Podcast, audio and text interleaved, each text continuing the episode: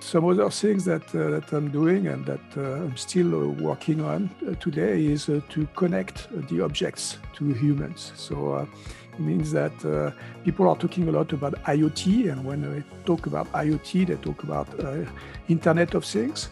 I'm talking actually about intelligence of things. So I believe that we can make things around us much more intelligent by connecting them to themselves and to ourselves.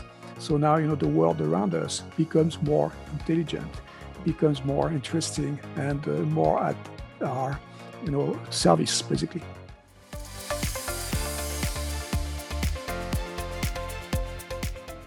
I saw a lot of uh, books, of newspapers, of uh, TV shows that were talking about AI, that are making, you know, the big titles about AI and uh, about the fear of AI but the fact that uh, AI is going to kill us, AI is going to replace us, AI is going to do you know all those things that are not true. I mean, they are not true if we don't want them to be true. So uh, if I am trying to demystify, I'm trying to say we are in charge. We decide what AI is going to do. Uh, so this is our decision to, to make whatever we have to, we are going to make with that. And AI is not uh, making any decision by itself. We are deciding we have the tools. We are using those tools. Today, rapidly, we can understand that AI is only mathematics, right?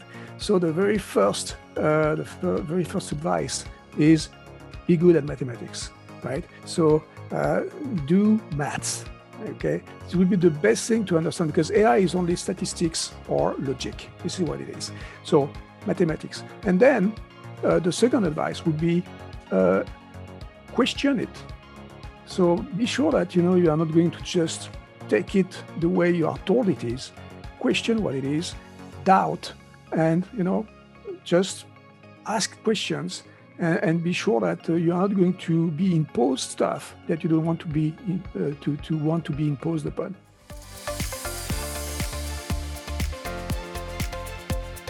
The forum that is uh, very exciting, you know, with uh, a lot of people that are changing the world, basically.